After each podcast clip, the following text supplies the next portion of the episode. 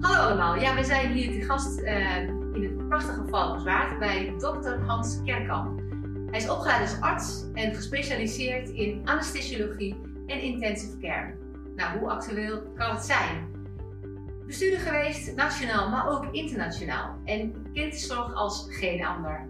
We gaan met hem in gesprek over de kracht van het zelfherstellend vermogen. Hallo Hans, dankjewel dat we bij jou hier uh, thuis mogen zijn. Ja, met alle plezier. Het is een uh, eer om, uh, om samen hier te mogen zitten en te filosoferen over het zelfgenezend vermogen van mensen. Ja, prachtig. Want ja. daar gaan we het over hebben, Hans. Ja, jij kent de zorg als geen ander. de kracht van het zelfherstellend vermogen is iets wat, wat, wat centraal staat in deze podcast. jij hebt daar ook een bepaalde visie over, daar gaan we het over hebben. Je bent arts en uh, houd je bezig met het zelfherstellend vermogen. Hoe rijmt dat met elkaar?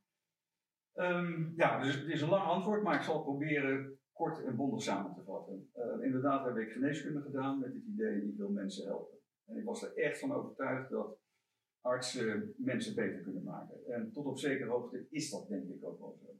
Maar niet altijd. Um, het, het is meer de rol van de dokter of in de zorg in het algemeen dat wij middelen aangeven, tools, om uiteindelijk de genezing tot stand te brengen. En, en, dan is de vraag van wat is genezen?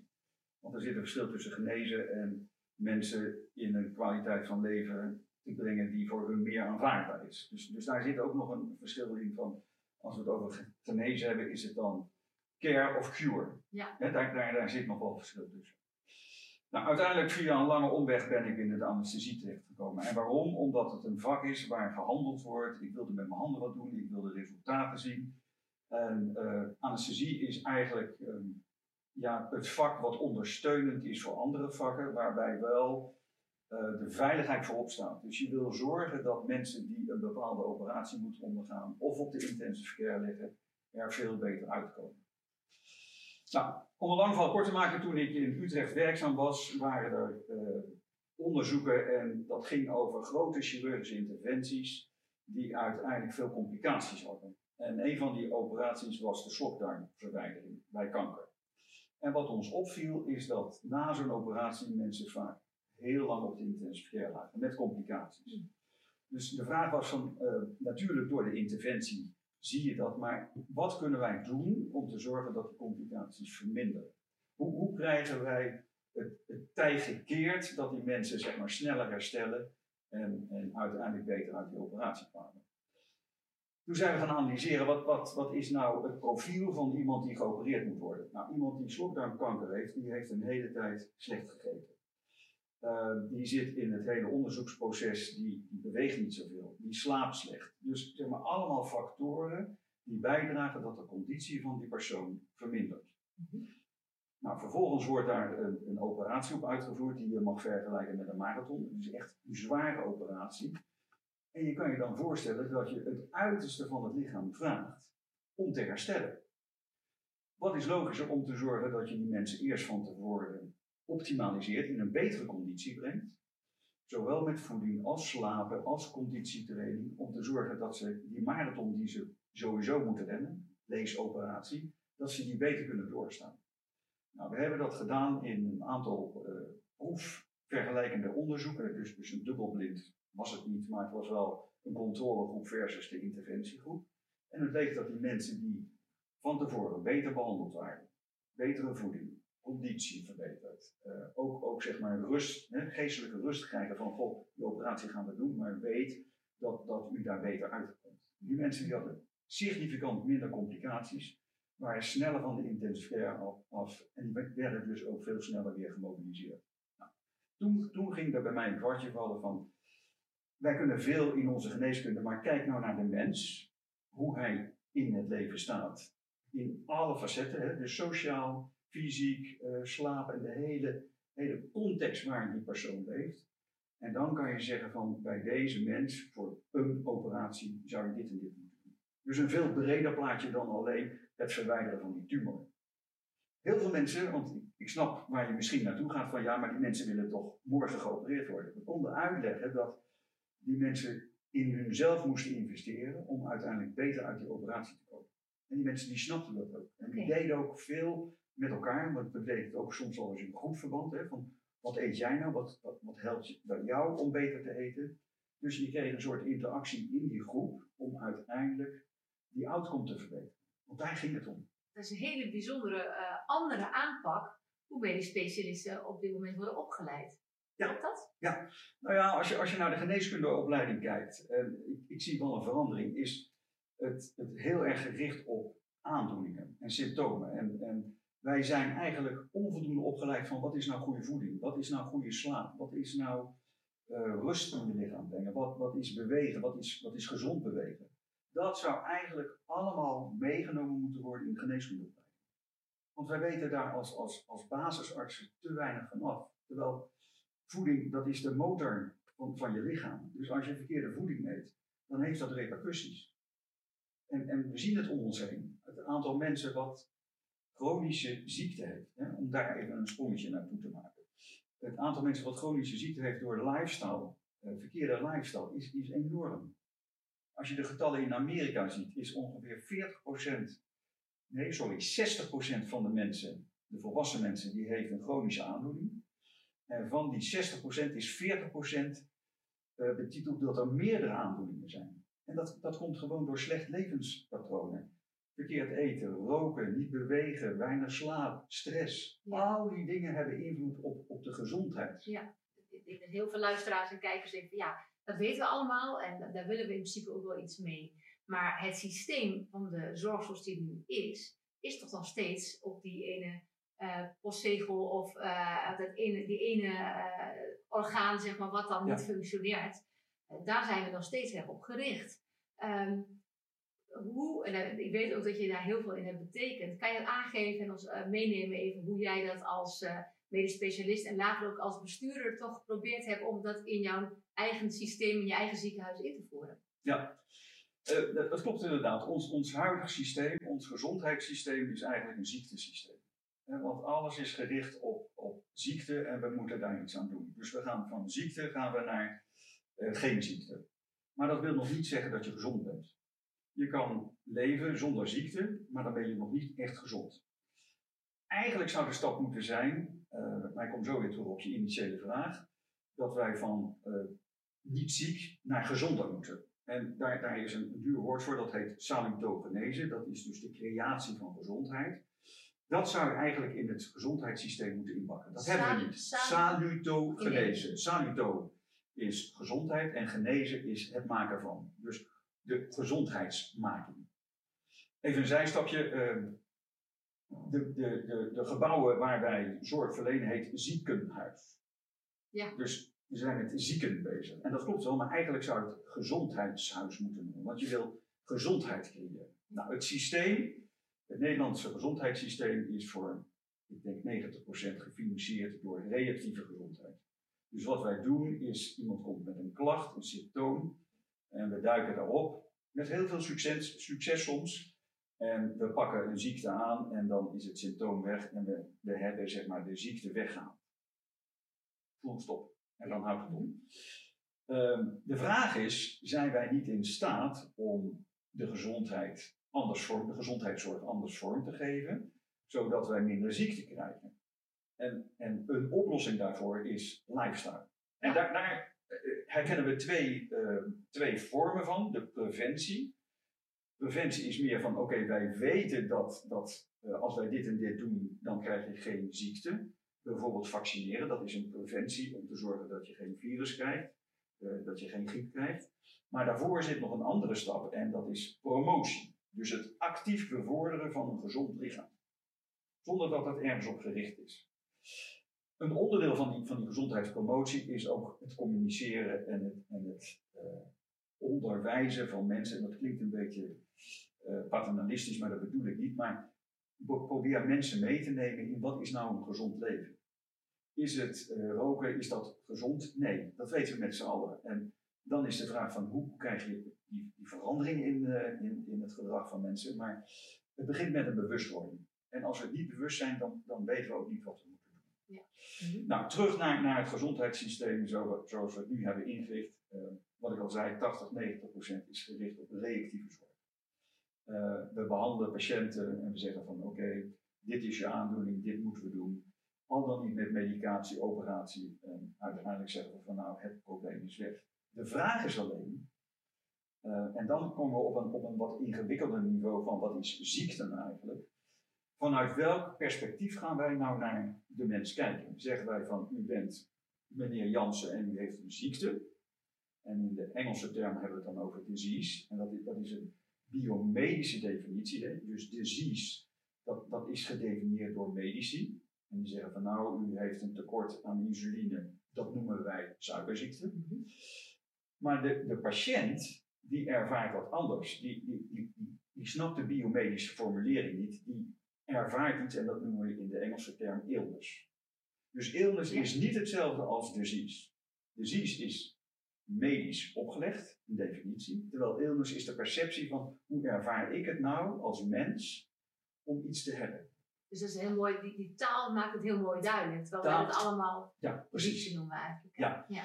Nou, en daar zit, daar zit vervolgens ook nog, en, en dan komen we zeg maar, aan een interessant fenomeen wat aansluit op jouw vraag.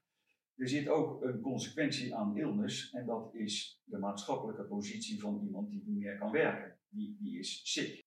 Sickness heet dat. En dat, dat is dus de economische consequentie van illness. Dus begint met een disease, dan hebben we vervolgens de illness en dan de sickness. Sickness heeft een maatschappelijke consequentie. Als wij heel veel ziekte hebben, kijk nu bijvoorbeeld COVID. Ja. Heel veel mensen die met COVID besmet zijn, mogen niet werken, terwijl zij misschien niet ziek zijn. Maar ze hebben wel het virus bij zich en potentieel een gevaar voor medewerknemers. Die mensen kunnen dus niet werken. En dat heeft economische schade. Nou, als wij in staat zijn om de illness te verminderen, en dat zal dus op de een of andere manier ook via de disease moeten, dan zal dus de sickness, dus de maatschappelijke ziekte, verminderen. En daar ligt een opgave voor overheden om te zeggen, laten wij nou toch kijken hoe wij een gezondere populatie in het land krijgen. Wat ik heel mooi vind aan jouw verhaal, dat je het als ware als een soort lakmoesproef uit elkaar trekt. Waardoor het ook duidelijk wordt aan welke knop je eigenlijk zou moeten draaien. Dus je hebt disease, eh, vanuit de medische, biomedische gezien. Je hebt uh, illness zoals dat ik als mens dat ervaar en mijn familie ook. En je hebt uh, sickness. En dat is zeg maar hoe de zorgverzekeraar, de, de, de, de, maatschappij, de politiek het ook uh, ervaart. Precies. Willen we dat naar beneden halen, dan zullen we iets moeten doen met het gevoel illness. En ook natuurlijk met die disease. Dus dat zijn de twee punten waar we een actie moeten ondernemen. Absoluut. Klopt dat? Ja. ja. Nou, dan nog even een stapje dieper. Ehm, stel, stel, dat ik gediagnosticeerd word met, uh, met diabetes. En ik heb daar een prachtig voorbeeld van. Uh, een van de vriendinnen van onze dochter, die is op jonge leeftijd gediagnosticeerd met type 2 diabetes. Nou, dat is natuurlijk een drama. Het is verschrikkelijk voor een meisje van 12, 13 jaar die, die vervolgens aan de insuline zit. En nou, uiteindelijk uh, is er een vorm van acceptatie en zij voelde zich op dat moment echt ziek. Zij, zij was patiënt en zij, zij was natuurlijk overweldigd met emoties van hoe gaat dat nou de rest van het leven. Nou, inmiddels zijn wij twintig jaar verder. Ze is dokter geworden. En uh, een goede dokter is zij. En ik heb het wel eens met over van, goh, hoe is het eigenlijk met je diabetes, met je ziekte? Nou, zegt ze, ja, ik heb wel diabetes, maar ik ben geen patiënt. Want ik weet heel goed wat ik moet doen. Ik weet wanneer ik te veel insuline heb gespoten en ik, ik, ik, kan, ik kan dat handelen. Dus ik, ik heb weliswaar het, het labeltje diabetes, maar ik voel mij niet een patiënt.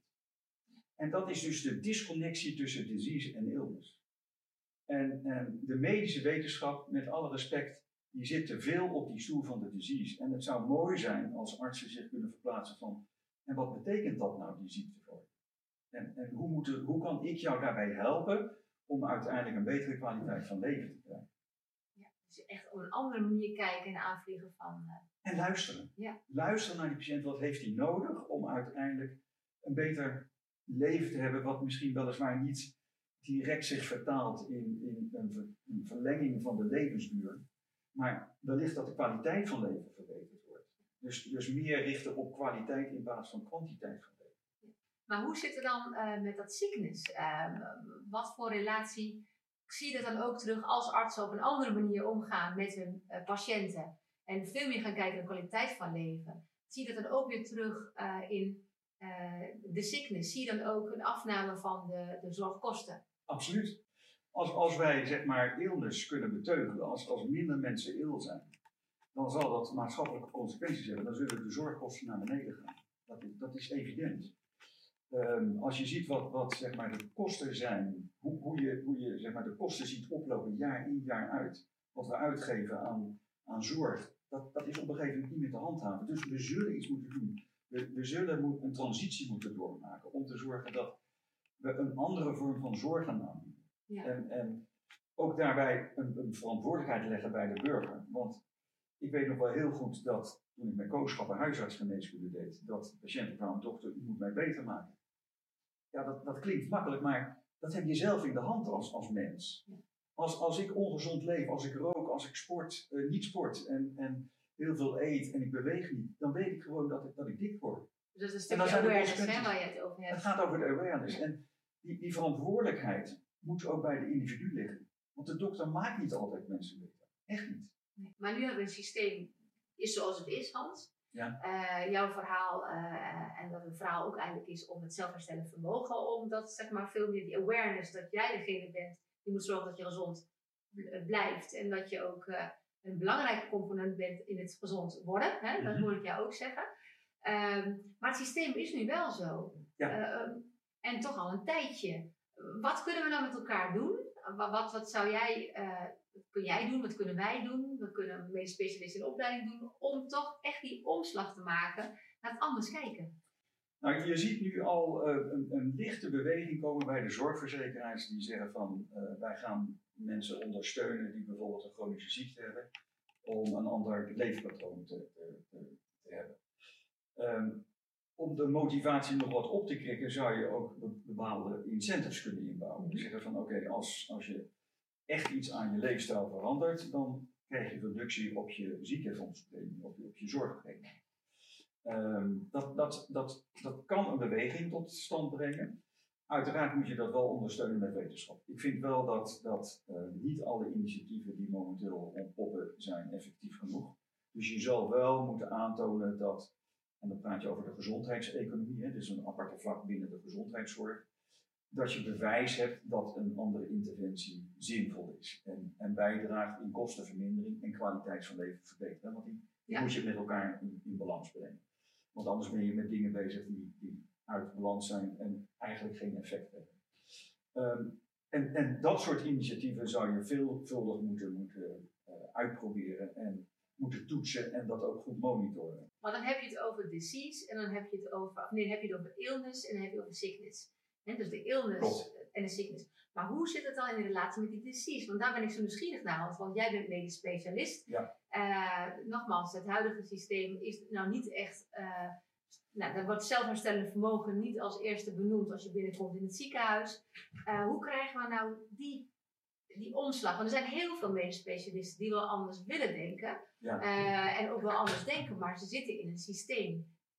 Ja, en dat systeem, hoe krijgen we dat systeem veranderd? Ja, nou, het, het is banaal om te zeggen, maar uh, het systeem is zo gebaseerd dat hoe meer verrichtingen je doet, of hoe meer patiënten je ziet, des te meer kan een zorgorganisatie daarmee verdienen. De trigger zit hem erin, hoe kan je hem omklappen, dat uh, je niet betaald wordt voor het aantal ziekten wat je diagnosticeert, maar misschien hoe je uh, uiteindelijk het aantal kwaliteit van jaren verbetert. Dat vraagt, dat vraagt een hele andere manier van denken. Ja. Maar uiteindelijk creëer je dan een maatschappij die gericht is op gezondheidscreatie. En dat is, dan, en dat is die salutogenese. Salutogenese. Het is mooi dat je dat zegt, uh, Hans. Want in onze rubriek hebben we altijd een vraag voor de volgende geïnterviewde. En Um, we hebben een interview gehad met Margit Theeuwen. Margit Theeuwen is uh, meervoudig Olympisch kampioen hockey. Uh, ook zelf ervaringsdeskundig als het gaat om uh, zelfherstellend vermogen. En zij heeft een vraag voor jou. Vind jij het goed dat ik die even voorlees? Ja, graag. Leuk. Ja. ja. Heel goed. Het is een uitgebreide vraag, maar dat geeft ook de context goed weer. Beste Hans, de gezondheidszorg is heel erg gericht op het soms letterlijk verwijderen van een probleem dat de gezondheid van de patiënt ondermijnt. Patiënten beschikken steeds meer over kennis van hun eigen aandoening, lezen zich in over de conditie en beoordelen vaak ook nog hun behandeling achteraf met een review. Maar het blijft een feit dat ze pas bij jullie komen, en jullie zijn dan de medisch specialisten, mhm, eh, als ze serieus iets mankeren. Denkt u dat er een tijd komt dat onderdeel van de medische zorg wordt om mensen te helpen gezond te blijven in plaats van te behandelen als ze ziek zijn? En kan u zich een wereld indenken waarin geldstromen van bijvoorbeeld de farmaceutische industrie, of bijvoorbeeld de geldstroom van de voedselindustrie, ondergeschikt wordt aan gezondheid van de mens en het verdienmodel van een ziekenhuis gaat bestaan uit hoeveel ingrepen ze hebben weten te voorkomen? Ja, prachtige vraag. En uh, ook wel in het verlengde van mijn denken. Uh, als je zegt van, uh, gaat dat ooit ontstaan? Ik hoop het. Ik mag het hopen. Ik, ik wil even een, een, stapje terug maken in de, in de geschiedenis. En dan ga ik naar China toe. Ehm, vroeger was de Chinese geneeskunde zo ingericht dat de dokter werd betaald als een patiënt niet ziek werd. Dus daar was, daar was het systeem gericht op, als ik in staat ben als dokter om je gezond te houden, word je daarvoor betaald. Als je ziek wordt, heb je je best niet goed gedaan, heb je dus niet waargemaakt wat je eigenlijk zou moeten, krijg je geen geld daarvoor. Nou, dat is, dat is nou. vanuit de historie. Dus deze vraag zit in het verlengde van iets wat, wat vroeger al bestond. Nou even naar het hedendaagse. Um, de voedselindustrie. Daar zijn enorme belangen mee, mee uh, verenigd. En, en als je kijkt van hoe de voedselindustrie in elkaar zit, is het gezondste voedsel, de, de, biologische voeding, is het meest dure. En dat zou eigenlijk andersom moeten zijn. Dus daar zit een incentive in om uh, op de een of andere manier niet zeg maar die knop om te draaien en zeggen van oké, wij gaan als producenten van voedsel gaan wij het, alleen het gezondere voedsel op de markt brengen. Ja. Um, dus daar, daar, daar, zit, daar zit al een mismatch in. En eigenlijk zou het zo moeten zijn, en hoe je dat politiek gaat regelen, weet ik niet, dat de gezondere voedingsmiddelen goedkoper zijn. En je kan, je kan dat bijvoorbeeld met suikertax doen. Ik vind dat een prima initiatief. Als zeg maar uh, voedingsmiddelen, uh, prepared foods, duurder is omdat er gewoon ongezonde componenten in zitten. Leg er maar een tax op. En zorg dat die tax terechtkomt bij de gezondheidspromotie. Hetzelfde geldt voor de industrie. Ik heb natuurlijk jarenlang als medisch specialist kunnen werken dankzij het beschikking, de beschikking hebben over, over middelen om mensen in anesthesie te brengen. En, zonder is het onmogelijk. Dus je hebt ze nodig. Maar probeer ze partner te maken uh, naar het model van hoe krijgen we een gezondere maatschappij. En, en zorg dat zij daar ook actief in betrokken worden. Want tot op heden is het een concurrentiemodel hè, binnen de verschillende farmaceutische industrieën. En dan komt er een, een alternatief voor een anti-hoge uh, bloeddrukmiddel. Uh, dat dan net iets effectiever is op basis van een wetenschappelijk onderzoek. Ik denk, laten we daar nou eens mee ophouden en zeggen van welke middelen hebben we echt nodig. En een MeToo-middel, stop daar nou mee en stop de, de, energie die je daar en geld die je daarin stopt naar een andere vorm van gezondheidscreatie.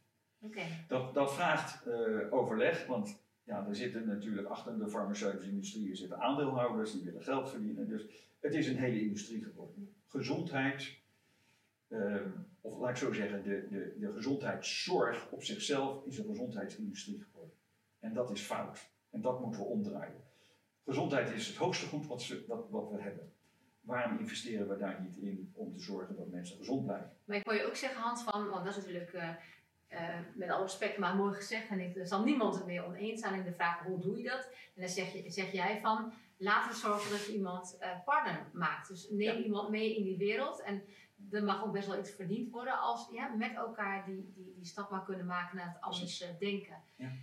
Um, de, dus dat is zeg maar ook het antwoord op marktje, denk ik. Dat je zegt van we moeten echt op die partnership zoeken. Je kan er ja. wel tegen ingaan, maar je kan, kan beter samen zorgen dat je een andere manier van denken uh, Absoluut. Gaat, ja. gaat neerzetten. Ik heb me laten vertellen, van mij uh, komt die anekdote ook van jou, dat je zelfs ook medisch specialisten hebt meegenomen naar Japan, dacht ik. Om op een andere manier uh, mensen onder narcose te brengen om, om een operatie uit te voeren.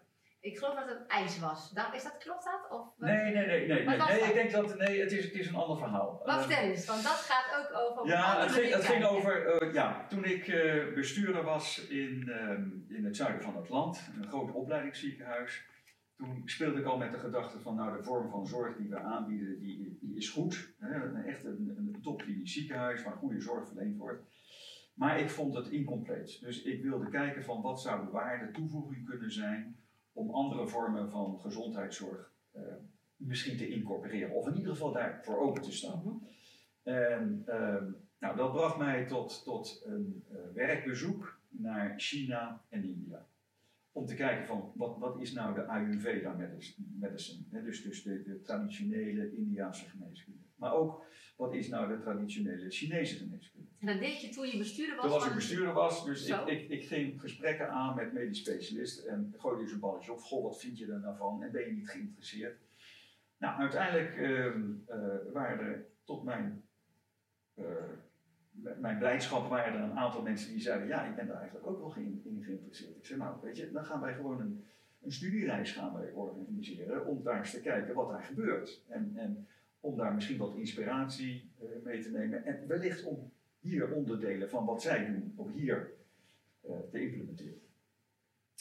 Uh, nou, we hebben toen uh, heel veel moeite gedaan om een aantal ziekenhuizen te vinden die van zeg maar, de westerse geneeskunde de zorg aanboden, maar ook zeg maar, de traditionele, in hun context, alternatieve geneeskunde. Hè? Nou goed, dat, dat, dat is geen alternatieve nee. geneeskunde, want dat wordt al jaren gebruikt voordat de westerse geneeskunde daar überhaupt was. Dus wat, wat wij alternatief vinden, was daar gewoon. Ja. Uh, heel mooi programma gemaakt. Eerst uh, China en toen India. Nou, daar, daar, moet ik nog iets meer over vertellen. Want ik, ik kreeg op een gegeven moment een, een angstdroom. Ik denk, ja, wacht, voordat wij überhaupt daar naartoe gingen, van is dit nou wel zinvol? Want die mensen gaan met westerse ogen kijken naar een hele andere cultuur. Ja. Want het is natuurlijk een andere cultuur. En toen dacht ik van ja, dit is, dit is niet slim van me, want misschien dat die elkaar daar heel erg vies zijn en is, is de eerste hulp uh, één puinhoop en dan zeggen ze van je wilt toch niet Hans, dat wij dit systeem hier in, in ons ziekenhuis gaan brengen. Dus ik, ik was een beetje van mijn stuk in. Er moet een oplossing voor zijn. Uh, en toen kwam ik uh, in gesprek met een van de psychologen en ik zei, goh, ik zit, ik zit met, want ik wist dat hij ook open stond voor dit soort ideeën. En ik zeg, help mij eens, want hoe ga ik dit oplossen? Hoe kan ik nou mensen iets laten zien zonder dat ze daar een oordeel over hebben? Ik zeg, want, want we hebben natuurlijk altijd heel snel een oordeel van, ja, je wilt toch niet uh, in zo'n vieze organisatie gaan werken, dat kan helemaal niet goed zijn. Nou, zegt hij, dat is niet zo moeilijk. Dat, uh, en ik praat dus over jaren geleden. Hij zegt, uh, dan, dan zou je die mensen een cursus mindfulness moeten aanbieden. Toen was dat nog helemaal nee, niet een hot item. Ik zeg, wat, wat, wat houdt het in? Nou, zegt hij, dat is in feite zien zonder oordelen. Dus waarnemen. Mooi. Full stop. Ik zeg, nou, lijkt me prima, hoe doe je dat? Nou, zegt hij, dat, uh, ja, dan moet, dan moet je een opleiding vervolgen, dat is een cursus. Ik zeg, nou, dat kunnen we dan toch wel een keer op een vrijdagmiddag doen? Nee, zegt hij, nee, nee, nee, nee, nee, stop. Zo werkt dat niet. Nou, dat is een opleiding van zes weken en dan moet je echt zelf voor trainen. En uh, ja, dat, dat, dat, dat, dat vraagt wel energie en, en tijd van mensen die dat dan zouden moeten gaan doen.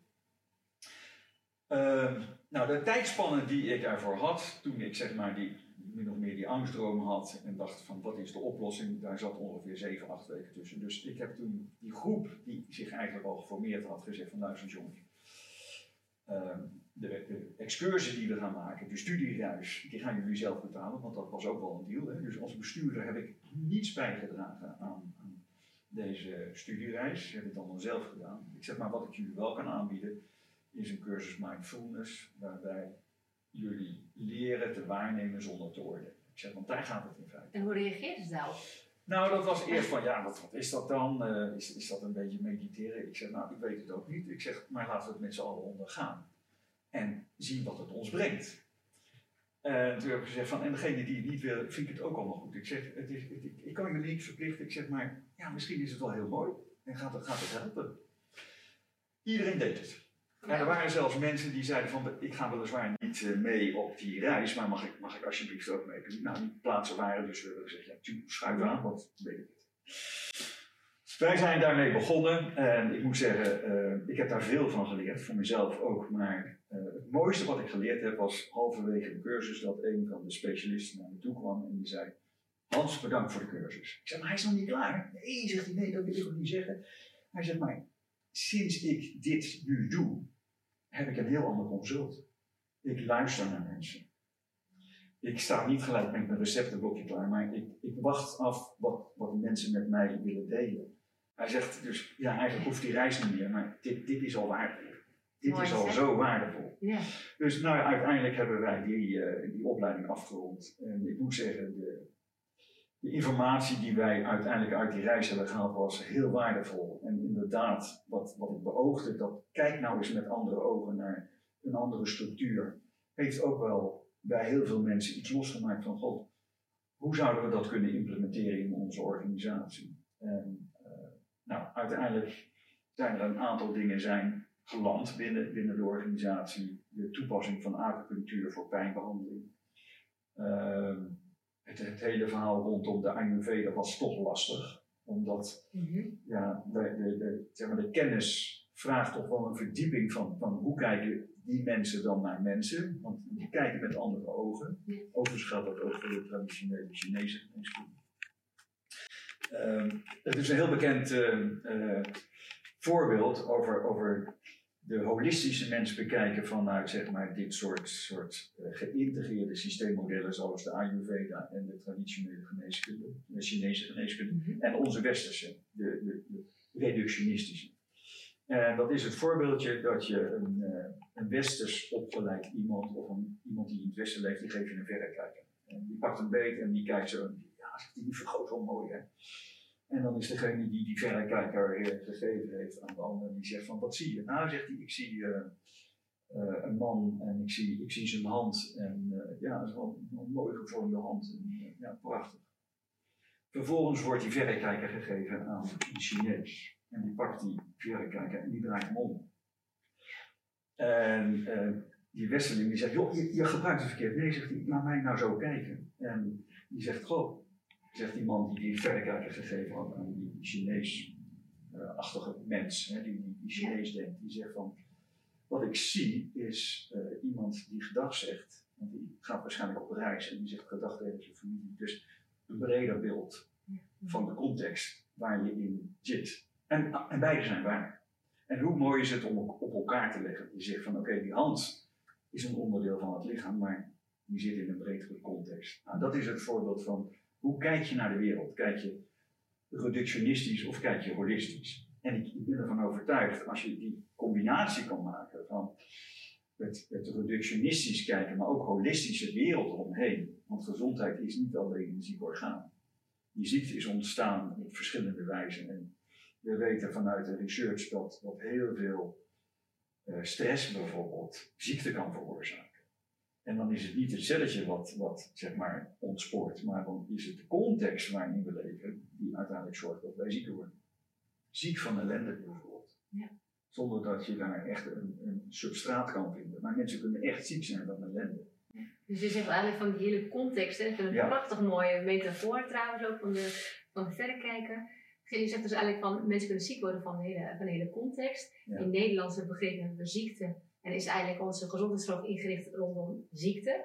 Eh, dat zou eigenlijk van pathogenese naar eh salutogenese Gene salutogenese. salutogenese moeten. Je draait hem Je draait hem echt om. Ja? En eh, dan heb je ook de onderscheid ook veel meer te pakken tussen disease, naar het biomedisch model, illness vanuit het patiënt-burger-mens model en ehm, sickness als het gaat om ja, wie gaat het allemaal betalen. Dus die haal je dan ook in die zin uit elkaar. En jij zegt, zullen veel meer moeten gaan bewegen naar het totale context gaan kijken. Mensen ook eigenaarschap maken van hun illness en dus ook ill, he- ill health heb je volgens mij ook nog, hè? Ja, je hebt ill health en je wil eigenlijk naar eh, health. Ja. Dus dus ill, ill health is illness. En je wil van illness naar health. Dus je wil die ill wil je eraf halen. Precies. En dat vraagt, ehm, en dat sluit dan misschien weer aan op, op het sickness verhaal, dat vraagt dus ook een, creëren van een gezonde maatschappij.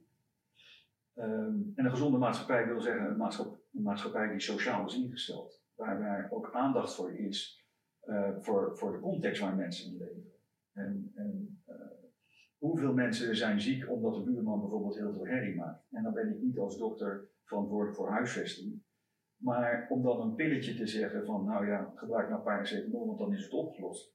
Ja, het symptoom is opgelost, maar de oorzaak niet. Dus we moeten ook zoeken naar wat is de oorzaak van het symptoom slash ziekte. Eh, Geef je daarmee ook aan, Hans, dat, eh, dat we veel meer in verbondenheid met elkaar moeten gaan kijken waar ieders verantwoordelijkheid zit. Dus ook de gemeenten, hè? Ja. Het gaat over schuldsanering bijvoorbeeld. En een, een ziekenhuis zouden veel meer uh, met elkaar verbonden moeten zijn als een soort netwerk rondom die mens, in plaats van dat die mens in of een ziekenhuis of een gemeente of nou ja, dat we, dat we inderdaad die, die, die inclusieve maatschappij met elkaar creëren, waar die verbondenheid belangrijk is. Absoluut. Hoor je dat zeggen? Absoluut, ja.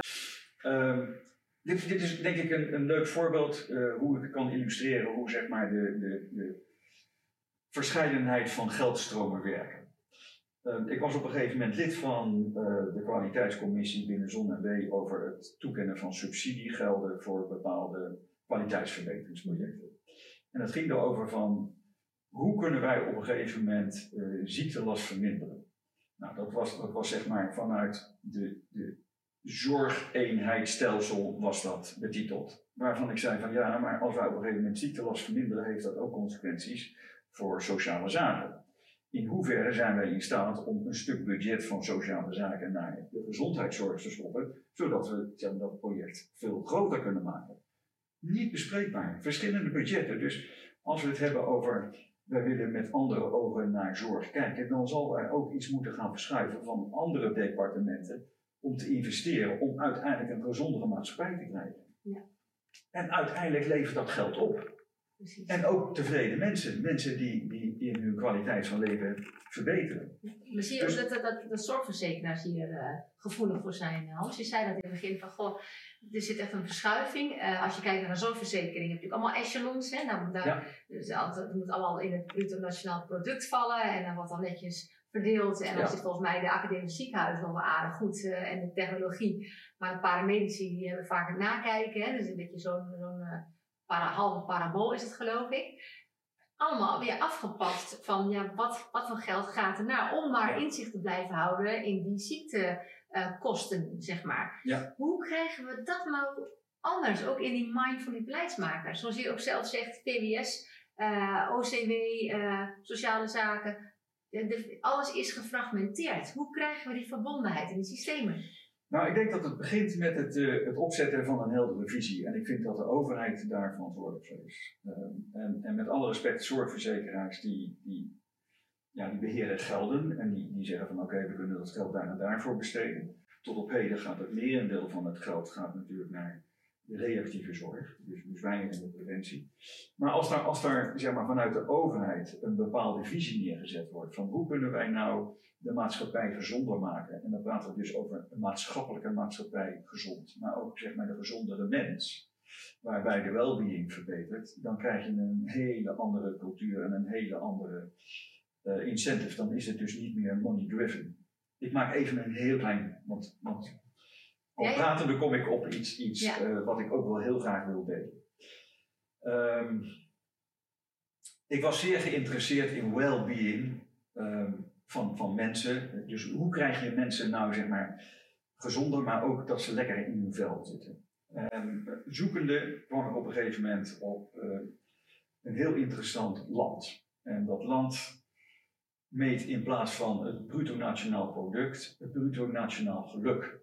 Bhutan. Bhutan, precies. ja. Nou, ik, ik heb daar uh, contact gezocht met, met degene die zijn, zeg maar, dat meet. En uiteindelijk heeft dat geleid dat ik werd uitgenodigd om op een congres te participeren en daar zeg maar, mijn gedachten te delen. En wat daar gebeurt in Bhutan is heel bijzonder. Ze hebben dus een, een, een echt een goed meetinstrument, mhm. wat uiteindelijk het bruto nationaal geluk meet. En daar zit de gezondheidszorg in, daar zit onderwijs in, daar zit maatschappelijke verantwoordelijkheid. Nou, er zijn, er zijn dus echt hele goede indicatoren die op een gegeven moment meten van waar staan wij als organisatie. En eerlijkheidshalve uh, blijkt dat het land, als het gaat over is het het gelukkig gelukkigste land. Nee, daar, daar, zitten wij, zeg maar, als Nederland zitten wij best goed. Ik wil niet zeggen dat wij gezond zijn, maar we kunnen gezonder worden. Maar Bhutan heeft een opgave. Maar die gebruikt dus de input die uit de jaarlijkse, de tweejaarlijkse enquête komt, om het beleid vanuit de overheid bij te stellen om te zeggen van, we hebben nu onze aandacht te focussen op dit. En als het gaat over gezondheidszorg, wordt daar een substantieel deel van geld naartoe gestopt. Nou, dat is een manier van denken die wellicht ook wel eens hier besproken kan worden. Van hoe kunnen wij nou streven naar uh, de, de, de, nationale gelukmonitor van mensen. En ja, dat is moeilijk om dat natuurlijk vorm te geven. Maar dat is een andere incentive en dan, dan, dan schuif je dus geld toe naar die compartimenten die bijdragen in dat nationale welbeing. Het labelen van, van mensen als patiënt heeft impact. Dus, dus op het moment dat ik gediagnosticeerd word met iets en ik krijg het label patiënt op, heeft dat, heeft dat effect op, op, op jouw uh, well-being. Dus, dus uh, dat krijgt een deuk. Mensen die, en ik heb het heel vaak zeg maar, in, in mijn uh, carrière als medisch specialist gezien, mensen die de diagnose krijgen dat ze kanker hebben, dan stort je wereld in. En dat snap ik ook, om, omdat zeg maar, wat daarachter zit aan verhaal van hoe gaan we dit oplossen, dat is nogal wat. Wat, wat ik wil zeggen is dat uh, we moeten ons veel meer gaan verplaatsen in wat, wat die ander dan voelt. En wij noemen dat patiënten, maar eigenlijk vind ik zorgvragen vind ik een mooie term. Want het, het, het rare is dat gezonde vrouwen die zwanger zijn, die worden nog steeds patiënt genoemd. En, en waarom? Ja. Waarom? Er is, er is, totaal geen reden voor. Het, is geen ziekte dat je zwanger bent. Het is het mooiste wat je kan overkomen, denk ik. Ik ben geen vrouw, maar ja, dat ik kan me voorstellen. is ja.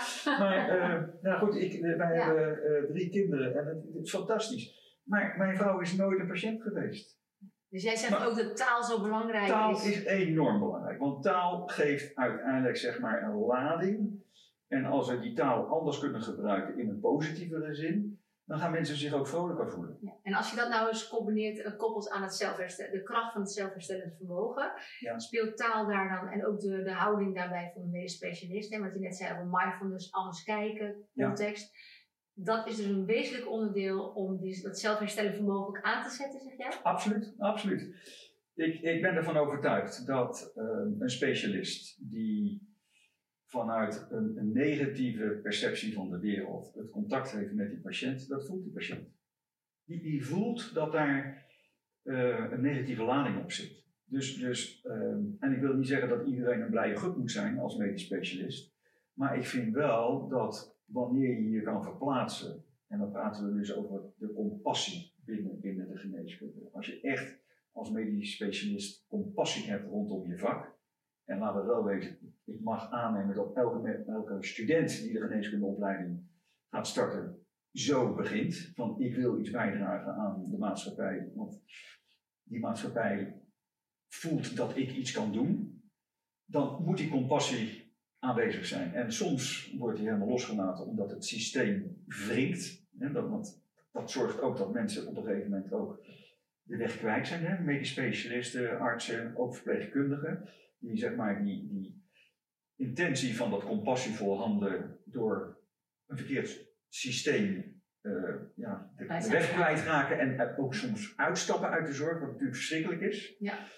Uh, maar ik ben, en dan kom ik weer terug op, op jouw initiële vraag, uh, als jij compassievol met je patiënt praat en daar aandacht aan besteedt, dan, dan gebeurt er iets, en dat is overigens ook wetenschappelijk bewezen. Er komen bepaalde endocrine uh, stoffen vrij, oxytocine en dat soort dingen, serotonine, die een positief effect hebben op het immuunsysteem. Dan wil ik niet zeggen dat je daar gelijk immuun voor alle virussen bent, maar het helpt, onder andere met de andere dingen, voeding enzovoort enzovoort enzovoort, om uiteindelijk die, die, die gezondere mens te creëren. Dus, dus, en dat doet de mens zelf. Ondersteund door, nou ik noem het dan maar niet de nieuwe dokter, de gezondheidscoach om uiteindelijk zeg maar, dat zelfgenererend en zelfgenezend vermogen van de mens te activeren. Wauw, dus dit, dit, en dat is ook wetenschappelijk onder, ondersteund, ja. zeg maar, onderbouwd. Ja. Dat dus de houding en de relatie tussen mens tot mens, specialist tot patiënt of zorgvrager, dat dat een wezenlijke bijdrage levert aan het aanzetten van het zelfherstellend vermogen van die zorgvrager. Ja, ja. Maar als, als dat zo is, ja. En dat zou dus, ik weet in jouw model van uh, disease, sickness en uh, illness en sickness, dan zou dus dat in een één klap ook die sickness, dus de, de, de, kosten naar beneden halen. Absoluut. Maar ook het werkplezier voor de mensen die het doen, dus de medisch specialisten. Er is natuurlijk een enorme burn-out nu onder uh, jonge medisch specialisten. Dan zouden we dus daar, daar, daar zouden we kunnen voorkomen daardoor. Ja. Maar waarom is dit, is, is dit iets wat jij is het wijd verspreid? Nou, ik denk dat veel mensen uiteindelijk dit ook wel voelen. Maar in, door, door zeg maar de, de, de context waar mensen moeten werken, de medisch specialisme, de druk, de registratielast en al, alles wat er omheen zit, wordt het voor, medisch specialisten niet zo leuk meer. En ehm, de, de tijd die ze kunnen besteden, een consult, is, is soms maar 10 minuten. En, en eigenlijk zou je dat flexibel moeten, moeten laten. En dat is een mooi voorbeeld. Uh, een van, van de collega's die ik had uh, als orthopedisch chirurg in, uh, in het ziekenhuis waar ik bestuurder was. Die was overigens ook mee op die reis naar China en India. Die, die zei op een gegeven moment toen we terug waren, hij zegt, ik ga, ik ga nu ook anders naar klachten kijken. En hij zegt, ik kan nu ook bij bepaalde klachten waarvan ik denk van ja, ik kan daar wel een nieuwe heup in zetten, maar geeft dat nou een kwaliteit van leven verbetering? Hij zegt, ik, ik ben op een gegeven moment verbaal gaan opereren. Ik zeg, wat bedoel je met verbaal ja. opereren? Nou, zegt hij, ik ga mensen uitleggen waarom ik niet die operatie ga doen. Met kwaliteit van leven behoud. Hij zegt, er zijn ook andere dingen om uiteindelijk van, van die klachten af te komen. Hij zegt, nou, dan praat je niet over, over die, die mensen die echt die heup nodig hebben. Maar de, je, je, zit in een grijs gebied waarvan je zegt, van, ja, moet ik dat nou wel of niet doen? Het systeem zegt, we doen het wel, want ja, dat is omzet. Ja, een BBC. Maar, maar als ik nou in plaats van 10 minuten, of die foto's die, die ik wel moet maken, maar een gesprek kan houden van een uur lang. En uiteindelijk de kwaliteit van leven van die mens verbeter. Hij zegt, dan is mijn doel toch ook al bereikt. En dat vond ik zulke wijze woorden van iemand die, met alle respect, eigenlijk het liefst wil opereren. Hè? Want dat zijn mensen die echt niets willen doen. Overigens doen ze dat allemaal goed hoor, want daar, daar, valt niets op af te dwingen. Maar uh, ja, uiteindelijk gaat het erover van wat is de bijdrage als medisch specialist in de individu die voor je zit. En snap ik wat, wat die mens wil. En, en dat, dat vraagt ook weer dat we moeten luisteren. We moeten gewoon luisteren. En soms luisteren we onvoldoende en staan we al klaar en dan nemen we een beslissing die niet in, in zeg maar, in de perceptie en het verwachtingspatroon van uh, mensen is. Dus uitzoomen, contact maken, elkaar echt aankijken en luisteren. Ja. En uh, de patiënt zorgvragen noemen, dat wil zeggen bondgenoot en partner in de weg naar, uh, naar herstel. Ja. Waarbij dus ook uit onderzoek blijkt dat het ook allerlei stoffen aanmaakt om het zelfherstellend vermogen ook aan te zetten. Ja, ja, en daar ook bij zorgen dat, dat de verantwoordelijkheid van die patiënt daar ook neergelegd wordt. Want uh, ik kan wel zeggen van luister eens, u, u, u, kunt uw hart- en vaatziekten kunt u verminderen door minder te roken of eigenlijk helemaal te stoppen. Maar ook uitleggen dat, dat de verantwoordelijkheid van die mens is. En dat het niet als dokter mijn verantwoordelijkheid is te zeggen, ja, u moet wel stoppen of ik adviseer u te stoppen, maar uiteindelijk moet ik dat zelf wel doen. Ja, mooi, dus eigenlijk de gezondheid geef je als het ware terug aan de mensen. Dat is waar jij voor pleit, waardoor de, de, de, de medisch specialist en gezondheidscoach wordt. En we meer gaan uh, naar het uh, salutogenese in plaats van de pathogenese. En dus om een hele andere bril gaan kijken. Maar ook dan dat de systemen die zorgen dat de sickness wordt betaald, ook op een die manier gaan kijken. Zodat je ook niet meer de echelons hebt, waardoor uh, beleidsafspraken, geldstromen naar beneden worden gestroomd. Dat ook daar die verandering die moet plaatsvinden. Dus dat is eigenlijk een totale kanteling, zoals je net zelf ook weet, van het systeem. Ja, en daarbij eh, aanvullend eh, ook die interventies doen die even nu op dit moment buiten de gezondheidszorg vallen. Hè? Dus gezond voedsel, bewegen, goede slaap eh, en dat soort dingen allemaal. Dus daar, daar moet ook in geïnvesteerd worden. Dus de well-being is niet alleen dat kleine stukje fysiologische en mentale beïnvloeding. Het is, is, het is de hele taart die daar zeg maar, mee te maken heeft. Ja. En dat zijn dus veel meer dingen dan wij in onze geneeskundeopleiding hebben geleerd. Ja, en dus wat Margje Theo ook aangeeft, dus, dus en de farmaceuten meenemen in deze dingen, maar ook de voedselindustrie. Ja. Ik denk dat het een mooi einde is, maar ik heb eigenlijk nog één vraag en dan kunnen we snel kijken of we hem erin kunnen zetten of niet. Want, eh, weet je Hans, je had het over money-driven systemen. Het is natuurlijk wel wat als je gaat doen wat, wat je voorstelt en waar ik heel erg blij van word. Ehm, dat betekent ook dat bepaalde medisch specialisten wat minder geld verdienen. Het moet wel ergens vandaan komen, toch? Nou, dat, is, dat? is de vraag. Dat, dat, ehm, als je het systeem zo gaat inrichten dat. ehm, ja, misschien moet je naar een sociaal systeem gaan dat, dat een medisch specialist onafhankelijk van hoeveel patiënten je ziet, dit verdient. Ehm, ik weet dat in academische ziekenhuizen, daar, daar wordt gewoon, dit is jouw salaris. En natuurlijk moeten ze dingen doen. En een stuk onderwijs, onderzoek, maar ook patiëntenzorg. Misschien moet je, moet je van het uh, maatschapsmodel of het medisch specialistisch bedrijf afstappen en zeggen van nou, jongens, jullie doen hartstikke goed werk, maar wat zou jullie ideale wereld zijn als het gaat over welke zorg wil je aanbieden? Wil je zorg aanbieden die op productie geënt is of op uiteindelijk outcome, wat, wat het voor die mens uiteindelijk voor die zorgvrager heeft opgeleverd? Daar kan je natuurlijk een model voor bedenken. Ik ben geen gezondheidseconoom, maar een andere vorm van financiering hoeft niet zo te zeggen dat mensen minder gaan verdienen. Absoluut niet. Nee. Ik heb ook laten vertellen als je medisch specialist wil worden dat je een enorme aanloop hebt waarin je eigenlijk ook veel, relatief veel te weinig verdient. Hè. Dat, dat, dat uh, het is een heel, ook een soort historisch gegroeid olifantpaadje waar je er doorheen moet. En dat je pas op latere leeftijd ook een normaal salaris verdient om ook eigenlijk al die jaren die je uh, bijna voor niks hebt gewerkt om te kunnen inhalen. Dus zou je ook naar het hele onderwijssysteem moeten kijken. Ja, je, je kan dat natuurlijk spreiden. Je kan ook zeggen, nou ik weet nog wel, toen ik net afgestudeerd was, was de huisartsopleiding werd niet betaald. Dan kreeg je een soort ja, fee, maar dat, dat was lange na niet voldoende. Dus dan moest je een stukje lening voor afsluiten. Nu zijn die huisartsen in de opleiding, die worden wel betaald. Dus er, er zijn natuurlijk allerlei mogelijkheden. En ik denk dat, dat even los van de consequenties van een, een andere vorm van gezondheidszorg, want we zullen medisch specialisten hoe dan ook nodig houden. Dat, blijft gewoon zo. De vraag is alleen hoe ga je ze inzetten met welk doel. En het doel is het creëren van een gezondere populatie. En, en daar zijn andere oplossingen voor. En dan moet je kijken wat zijn de consequenties. Maar laten we nou beginnen met dat, dat, dat hogere doel neer te zetten. En daarna streven en dan volgen de oplossingen vervolgens wel. En dan moeten we wel dingen loslaten maar dat, is ook mooi. Maar dat is ook mooi. Dat is ook weer mooi. Kom eens niet van een plaats. Ja, mooie vergezichten. En ik denk ook wat eigenlijk nu al gaande is. Hè, want je doet steeds meer medisch specialisten ook de verrekijker pakken. En ook andersom draaien. Hè. Dus de context meenemen. En ook kunnen wisselen van perspectief. Ik denk dat dat het voordeel is van onze uh, opleidingen. Hè. Dat medisch specialist heel goed kunnen inzoomen op die hand. Maar ook kunnen uitzoomen. Dus een zwaaiende hand. En waar gaat het eigenlijk uh, naartoe? De integrale geneeskunde.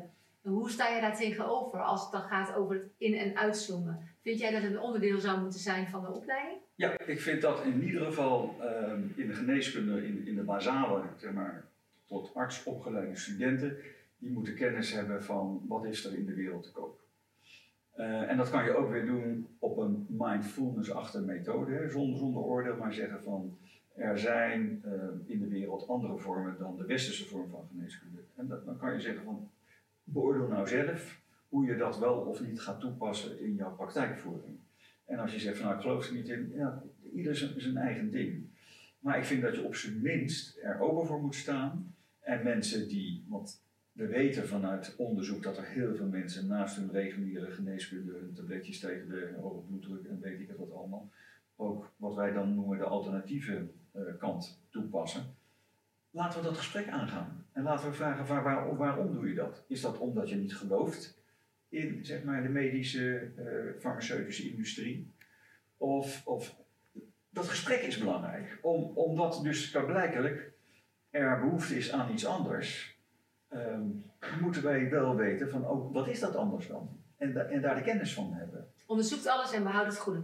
Ja, en, en sta ervoor open. En uh, je kan wel zeggen van ja, ik geloof er niet in, maar waar, waar zijn bepaalde vormen van geneeskunde veel ouder dan onze westerse geneeskunde? Omdat het zo slecht is? Ja, ik, ik weet het niet. Maar daar moet je onderzoek naar doen, voordat je überhaupt daar een, een uitspraak over kan gaan doen. En laten we dat maar vroeg in de geneeskundeopleiding meenemen. dus, dus een veel breder beeld. En, en, zeggen van nou, dit zou ook een oplossingsrichting kunnen zijn, maar ja, wij weten er te weinig van. En als je er iets meer van wil weten, dat ze kunnen aanbieden. En ik denk dat dat uh, een, een, transitie geeft die wellicht uh, heel veel invloed heeft. En, naast de dingen die we al besproken hebben over lifestyle en dat soort zaken. Want dat, dat is ook een gemis in de geneeskundeopleiding. Wij zijn, als ik zeg maar mijn geneeskundeopleiding, en dat is best wel een tijdje geleden, hè, gezien mijn grijze haren, dat was gericht op um, hoe werkt het lichaam en waar, waar wordt het ziek. En dat was het. En dat was orgaangericht, weefselgericht, celgericht. En dat, dat was het. En dat moet veranderen. En dat moet dus een hele bredere opleiding worden, waarbij ook zeg maar, de rol van de dokter, en dan verval ik weer in herhalingen, een, een coaching rol is. En de dokter is niet meer de, de vroegere dokter die alles kon, want we kunnen niet alles. Mooi. Dankjewel Hans. Graag gedaan. Het was een, uh, een waar genoegen. Ja. Vond het leuk om hierover uh, ja. gedachten en ik hoop dat mensen in ieder geval uh, iets meekrijgen om, om wat breder te kijken. Breder te kijken en te zien dat er meer is in, uh, in de wereld en tussen hemel en aarde die het leven mooier kunnen maken. Zowel voor jezelf als arts, verpleegkundige, zorgverlener, maar ook voor die, die zorgvragen. Hans, ja, we hebben in deze rubriek ook al de vraag van de volgende gast. Zij is een uh, integraal arts, maar ook een begenadigde pianist. En zij heeft iets met muziek. En, en, en, die passie voor muziek, de energie van muziek, dat dat ook iets te maken heeft met het zelfherstellende vermogen. Daar gaan we het in de volgende podcast, podcast over hebben. Heb jij een vraag voor Daniel? Ja, ik heb een hele directe vraag, maar ik ga hem inleiden. De perceptie van geluid en beeld doet wat met, je, met hoe je in je vel zit. Um, als je verschrikkelijk lelijke muziek hoort, dan, dan heeft dat impact op je gevoel. Um, er, zijn prachtige uh, videofilmpjes van over een dismatch tussen wat je ziet met, met verschrikkelijke muziek en mooie uh, concertachtige muziek uh, daarnaast. En bij het ene filmpje denk je, goh wat mooi, en de andere denk je, wat een chaos, wat, wat, wat is dit? Dat wil zeggen dat muziek invloed heeft op um, hoe je je voelt. Dan kan je een stap verder gaan. Voelen zegt ook iets over je well-being en over, over hoe je in je vel zit. Dan zou ik aan haar willen vragen wat de bijdrage is van muziek in de gezondheidszorg en hoe dat misschien uitgebouwd moet worden. Om uiteindelijk ook het zelfhelend vermogen van de mensen te activeren met behulp van de zintuigen, de orde en de perceptie van het orde. Nou, dat is een hele mooie vraag voor jou, Danielle. Uh, kou er maar vast op en dan uh, de volgende keer zijn we bij jou. Dankjewel, Hans. Graag gedaan.